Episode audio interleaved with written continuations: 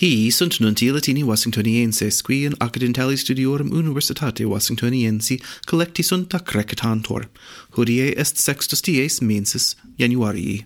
Masur indictionem Americanorum reditus.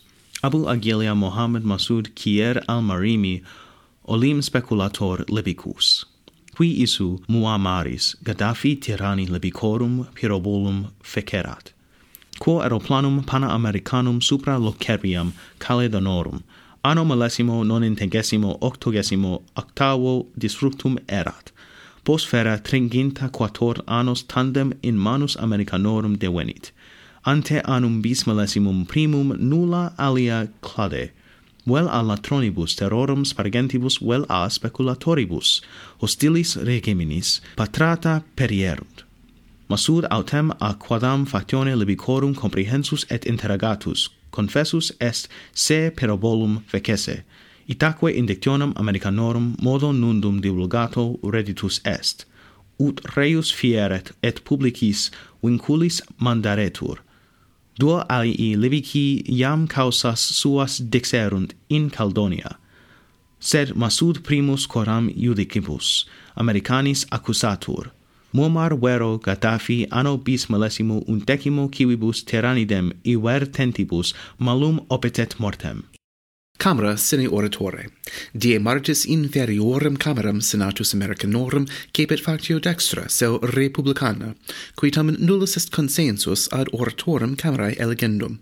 Cavenus enim McCarthy, quem illa factio preposuit candidatum qui oratoris munus ambieret, extremis partibus factionis opponitor, et ter victus erat die martis, identidem postia.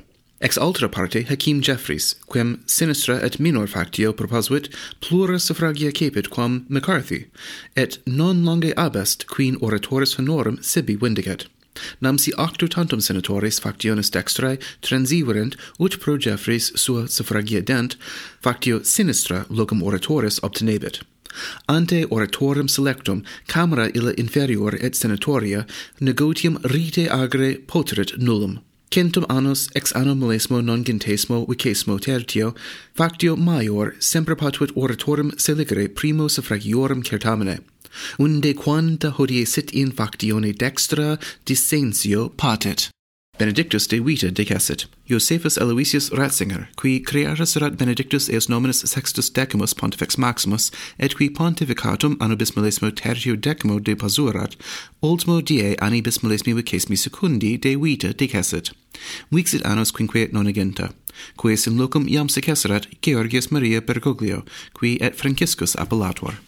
Lula de Silva Prices Brasiliensium creatus, die tricesimo Jair Bolsonaro tunc Prices Brasiliensium summam auctoritatem vice praesidi tradidit, atquae in Floridam civitatem Americanam fugit, ubi mansit dum signa imperii, quae a praeside priore novo praesidi secundum mores tradisolent Ludovico Ignatio Lula de Silva darentor.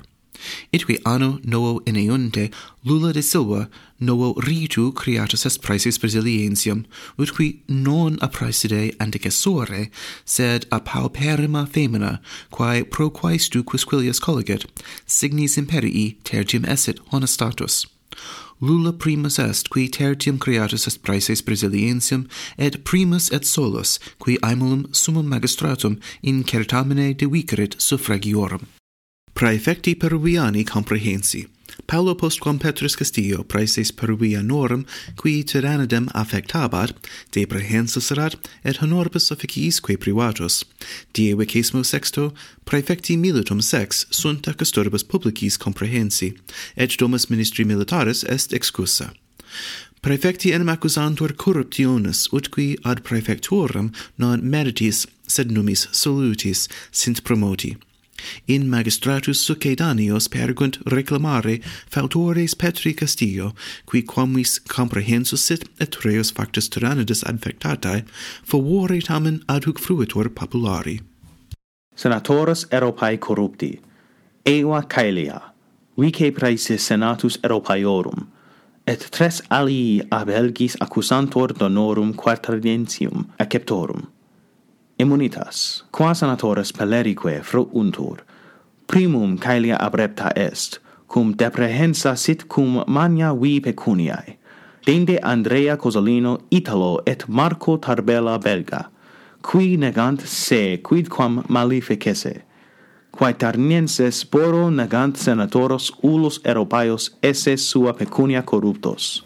Senator russicus mortuus, Raegadai in India Christidie Natali, Palus Antov, senator Russorum, et sectator factionis Russiae Unitae, et vir praedives, qui manium lucrum sivi compraverat botulis tmaculisque vendendis.